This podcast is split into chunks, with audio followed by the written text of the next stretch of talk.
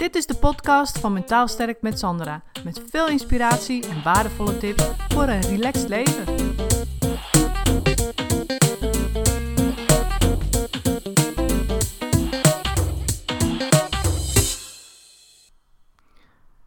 Dit is iets wat ik eigenlijk al jaren heb. En de laatste tijd ben ik daar eigenlijk eens goed over na gaan denken. En waarom de laatste tijd? Nou, eigenlijk omdat ik uh, de afgelopen anderhalf jaar, zeg maar, twee jaar, ben ik natuurlijk best wel druk geweest. Ook met het, met het opstarten van dit online initiatief. En ik heb daarnaast mijn praktijk. Dus ik heb heel veel geleerd over het online werken. En dat is natuurlijk hartstikke leuk. En daardoor was ik natuurlijk gewoon druk. Ondanks dat ik natuurlijk gewoon mijn eigen tijd wel kan bepalen. En uh, ja, daarin ook zeker wel heel anders werk dan in loondienst natuurlijk. Dus maar nu heb ik eigenlijk alles op de rit. En alles loopt. En ik, ja, ik geef regelmatig nog webinars. Ik doe podcasts. Maar het staat allemaal. Dus het is nu veel uh, makkelijker en rustiger om het bij te houden. En daardoor komt er toch ook meer tijd om te denken, merk ik. En dat kan eh, goed zijn, maar ook niet. En soms kun je gewoon, weet je, als je doordenkt over dingen, kun je tot oplossingen komen. En, en prima. Maar je kunt ook in een soort van piekermodus vervallen. Dus dat is niet de bedoeling. Maar ik, ben, ik ging eens nadenken en ik, ik bedacht ook van, ja, weet je, tussen 1 en 3, dus dat heb ik sinds ik, um, nou ja, dat heb ik eigenlijk altijd al, maar de laatste tijd dacht ik ineens van, ja, wat is dat eigenlijk? Hoe komt het nu? Dat ik eigenlijk altijd, elke dag, tussen 1 en 3 gewoon moe ben. Gewoon echt moe. Echt heel laag in mijn energie en moe. En dus ik ging daarover nadenken. Toen dacht ik, ja, eigenlijk, ik wist dat altijd wel. En het is ook niks nieuws wat ik, wat ik bedacht. Maar eigenlijk heb ik dat jarenlang, heb ik dat al. En toen dacht ik ook, van, hoe ging ik daar dan toch mee om toen ik nog in loondienst zat? Want nu, ik weet, ik bedoel, nou ja, ik weet gewoon, maar ik, op het moment dat ik voel van, nou, nu ben ik moe, zit ik laag in mijn energie, dan ga ik ontspannen. Want dat kan. Ik bedoel, ik ben hier mijn eigen baas en ik bepaal mijn eigen tijden. En eigenlijk onbewust, indirect, hou ik er zoveel mogelijk al rekening mee. Dat het tussen 1 en 3, ja, dat ik dan uh, niet zoveel hoef te doen. Of niet zoveel wil doen of niet zoveel ga doen. Behalve dan, uh, ja, buiten zijn, even ontspannen, iets met de hond doen. Of gewoon even op de bank liggen, weet je. En dan ook niet per se allerlei dingen op social media zitten bekijken. Maar gewoon ook, ja, gewoon eens even lekker liggen, een beetje mediteren, dat soort dingen. En dus dat, doe ik altijd al wel. Sinds ik natuurlijk mijn eigen baas ben. Maar toen dacht ik van ja, hoe heb ik dat al die tijd gedaan toen ik nog in loondienst werkte? En toen dacht ik ook terug. Ik denk, oh, ik weet het eigenlijk best nog wel heel goed. Dat het, als, ik had ergens een keer een, eigen kantoor. En dan zat ik alleen in dat kantoor. Nou, dat was natuurlijk uh, voor iemand die hooggevoelig is, fantastisch. Dus ik vond het heerlijk. Ik zat er altijd lekker in mijn eigen kantoortje. En um, wat het hele punt was, ik weet het nog heel goed. Dan had ik gegeten. Dan was het na één uur. Toen had ik ook nog wel veel brood, moet ik zeggen. Ik, ik had altijd echt zes boterham of zo. En dan had ik na twee uur weer honger. Dus dat hielp natuurlijk ook niet. Maar ik dacht altijd dat het daardoor kwam dus. Dus dat het echt kwam door die zes boterhammen eten. Dus veel te veel koolhydraten, veel te veel suikers. En achteraf heeft dat ook zeker wel invloed gehad. Maar um, toch dat stukje tussen 1 en 3 bleef eigenlijk altijd wel op een bepaalde manier ja, dat ik moe ben. Dus toen, wat ik toen deed, toen ik nog in loondienst werkte, weet ik wel, toen ik alleen in dat kantoor zat, had ik gewoon echt heel vaak dat ik dacht van, oh, dan zat ik naar het scherm te staren, computerscherm, en dan was ik echt aan het staren. Want dan zag ik niks meer. Dan zat ik alleen maar te staren. En dat is natuurlijk ook een teken van cognitieve overprikkeling. Als je alleen maar gaat zitten staren, is gewoon overprikkeling. Dus wat ik dan deed, is gewoon regelmatig. En dan schoof ik gewoon even het toetsenbord aan de kant. En dan ging ik met, ging ik met mijn hoofd in mijn armen op dat bureau. Gewoon, liet ik mijn hoofd gewoon op dat bureau rusten. In mijn armen. En dan ging ik gewoon, deed ik gewoon even mijn ogen dicht, weet je wel. Dat ik gewoon even dacht van, ah, oh, even helemaal niets gewoon. In de hoop dan natuurlijk dat er niemand binnenkwam. Want dat risico bestond altijd. En het was eigenlijk ergens toch ook heel onrustig. Want je hoorde wel mensen voorbij lopen. En ben je toch onbewust mee bezig. Of komen ze naar binnen of niet? Of uh, wat loopt die voorbij? Oh ja, gelukkig, die loopt voorbij, weet je wel. Nou, ja, even niks. Nou, dan kwam de volgende weer, weet je. Dus was eigenlijk ook heel vermoeiend. uh, ontspannen eigenlijk. Het was vermoeiend ontspannen. Dus ja, ik ging daar, uh, ik, ik, ik heb dat altijd al gevoeld. En er waren ook momenten dat ik in loondienst was. En ja, bij, was weer bij een andere organisatie. Waarbij ik gewoon totaal voorbij ging aan dat moment. Dat ik dat wel voelde, maar daar gewoon dwars doorheen ging. Omdat er ja, op dat tijdstip van alles te doen was. En uh, met mensen, weet je, stonden cursussen gepland. En uh, weet je, dan kon je niet zeggen van, nou, ik ga even, uh, even een half uurtje met mijn hoofd op het bureau liggen of zo. Nee. En toen was ik daar ook wel een stuk nog weer minder bewust mee bezig. Dus daar ging ik er compleet overheen. En zo heb ik in mijn banen daarvoor ben ik daar ook compleet aan voorbij gegaan aan dat moment. Tussen 1 en 3, terwijl ik wel weet dat het er was, ook toen al. Maar ik ging er gewoon dwars doorheen. En wat had dat als gevolg? Dat ik uh, ja, behoorlijk s'avonds natuurlijk kapot moe was. Ik, ik, vertel je ook over in mijn webinar. Dus als je mijn webinar nog niet hebt gevolgd, dan vertel ik het hele verhaal met alle verschijnselen en, en symptomen die ik, uh, die ik daarnaast ook nog kreeg, behalve dit. En um, ja, weet je, het was um, ook zo dat ik s'avonds moe was natuurlijk, maar dat ik s'nachts heel slecht sliep ook. Omdat ik zo overprikkeld achteraf gezien was van zo'n dag. En dat ik dus s'nachts heel vaak wakker werd. Ook om te plassen. Achteraf snap ik dat is ook loslaten. Weet je, dat ik dat s'nachts nodig had om los te kunnen laten. En dat is gewoon bizar. Dat je dat, in ieder geval ik, jarenlang heb genegeerd. En dus, maar goed, ik zat daar van de week dus aan te denken. Ik denk, ja, ik altijd moe tussen 1 en 3. En ik dacht eigenlijk van, ik heb ergens een energieblokkade. Dus ik ben naar een reiki-therapeut gegaan en met het verhaal, ik denk dat ik een energieblokkade heb ergens. En toen zei zij echt, toen dacht ik van ja, dit wist ik gewoon al lang, maar waarom heb je dan soms toch iemand nodig die je dit gewoon zo helder vertelt? Ik wist het eigenlijk al lang, maar het klopte gewoon wat ze zei. Ze zei: Je hebt geen energieblokkade.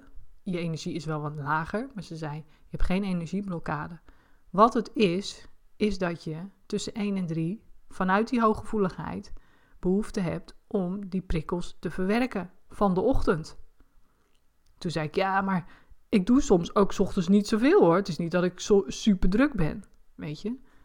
Of ik zie niet elke ochtend mensen, wat natuurlijk met hooggevoeligheid ook een behoorlijk uh, nou, impact heeft, zeg maar. Het meedenken met mensen en, en gewoon het psycholoog zijn op zich, dat is vaak heel intensief. Maar soms zie ik ochtends ook geen mensen. Dus ja, dan. Toen zei ik, ja, maar ja, ik zie niet altijd mensen en ik doe niet altijd druk. En toen zei ze, ja, maar ja, dan nog heb je dus, gewoon ook met de normale dingen, heb je die tijd nodig tussen 1 en 3. Om al die prikkels te verwerken vanuit die hooggevoeligheid. Heb je daar gewoon meer tijd voor nodig. En um, ja, dus dat s'nachts wakker worden is ook loslaten. Weet je, dat is ook loslaten, zei ze.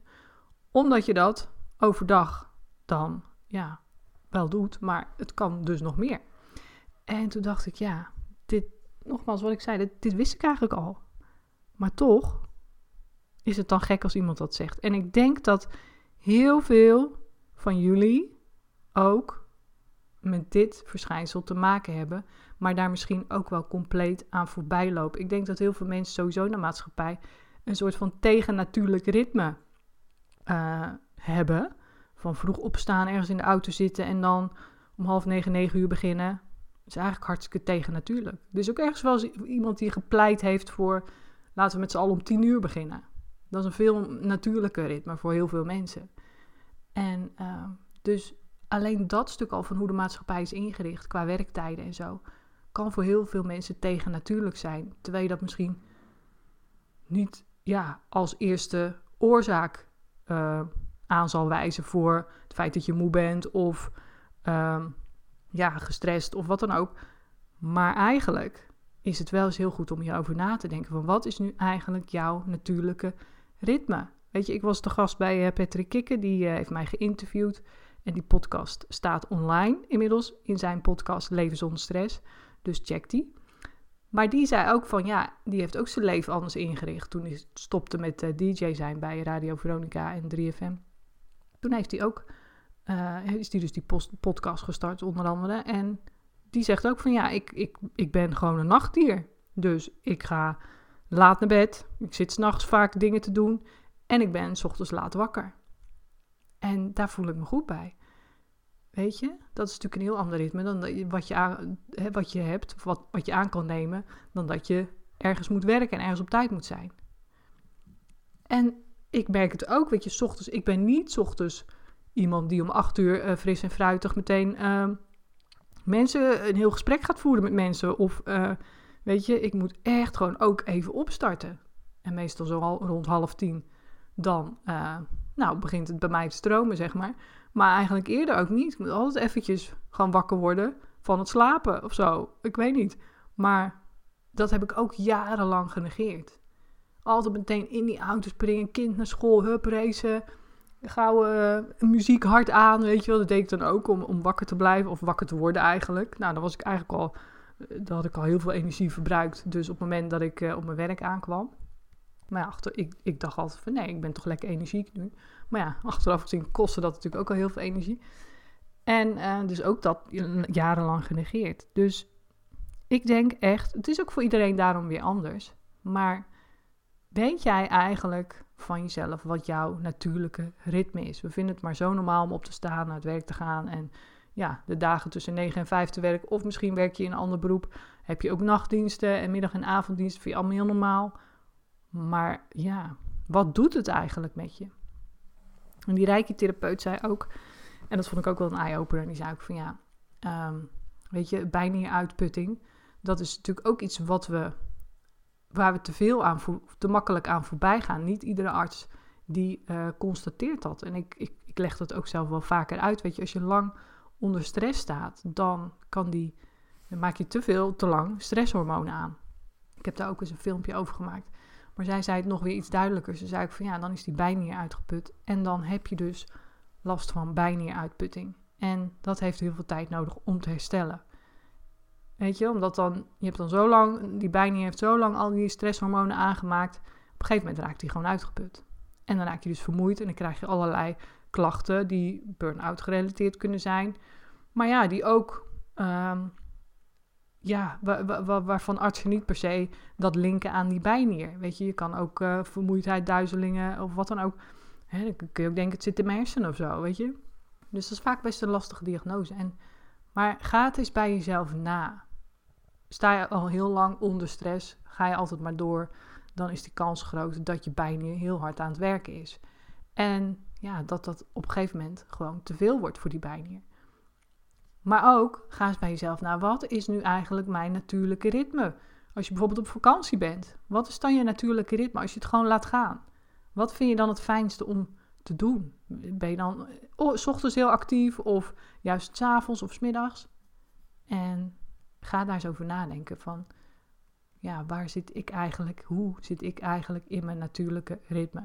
Ik heb nu in ieder geval voor mezelf zoiets van, ik deed dus altijd al tussen 1 en 3 gewoon rustiger aan. Op het gemak dingen ontspannen, een beetje eh, rondklooien of gewoon lekker op de bank liggen. En dat deed ik dus al, maar nu doe ik het gewoon nog veel bewuster. Vanuit het stukje, dit heb ik gewoon nodig. Weet je wel, dit is mijn natuurlijke ritme, dit heb ik nodig. Het is oké, ik accepteer het dat het zo is. Eh, soms kan het een beetje lastig zijn, weet je wel. Dat je denkt, ja, kan ik dan nooit iets doen tussen 1 en 3? Ja, tuurlijk wel. Maar ja, ik heb wel de vrijheid omdat ik natuurlijk mijn eigen praktijk heb, om daar uh, zelf de regie in te houden. En die vrijheid heb ik natuurlijk omdat ik keuzes heb gemaakt. Dus zo is alles weer uh, uiteindelijk belangrijk om voor jezelf ja, keuzes te maken. En belangrijk om het voor jezelf zo in te richten dat het voor jou werkt en niet per se voor de maatschappij. En ik weet, het is moeilijk, maar ga gewoon met jezelf of met anderen brainstormen van hoe doen anderen dat. En het allerbelangrijkste, ga voor jezelf bedenken wat is mijn natuurlijke ritme en hoe kan ik me daar, hoe kan ik daarnaar gaan leven. Want dat scheelt natuurlijk al een heleboel vermoeidheid en een soort van tegendraads werken tegen je natuurlijke ritme in.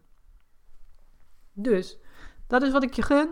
En um, heb je de podcast, mijn interview met Patrick Kikker nog niet gehoord? Check hem dan. Hij staat, uh, ik zal een linkje hier in deze podcast erbij zetten. En uh, ik wens je een hele fijne ochtend, middag of avond. Doei doei! Bedankt voor het luisteren. Het is mijn intentie om met deze podcast waardevolle inzichten te delen die je kunt gebruiken voor je eigen leven en die je helpen groeien in je persoonlijke ontwikkeling. Wil je voortaan alle verhalen bij elkaar hebben staan? Abonneer je dan even op Mentaal Sterk met Sandra op iTunes of Stitcher. En ben je enthousiast over mijn verhaal? Dan zou ik het superleuk vinden als je een review achterlaat. Dat kun je doen in iTunes of Stitcher en geef je bij beoordelingen en recensies een korte review. En ben je echt enthousiast? Geef dan 5 sterren. Dat zorgt ervoor dat ik hoger in de ranking kom te staan en nog meer vrouwen kan inspireren tot een relaxter leven. Mijn dank is groot als je dat even voor me wilt doen. Tot de volgende keer bij een nieuwe uitzending.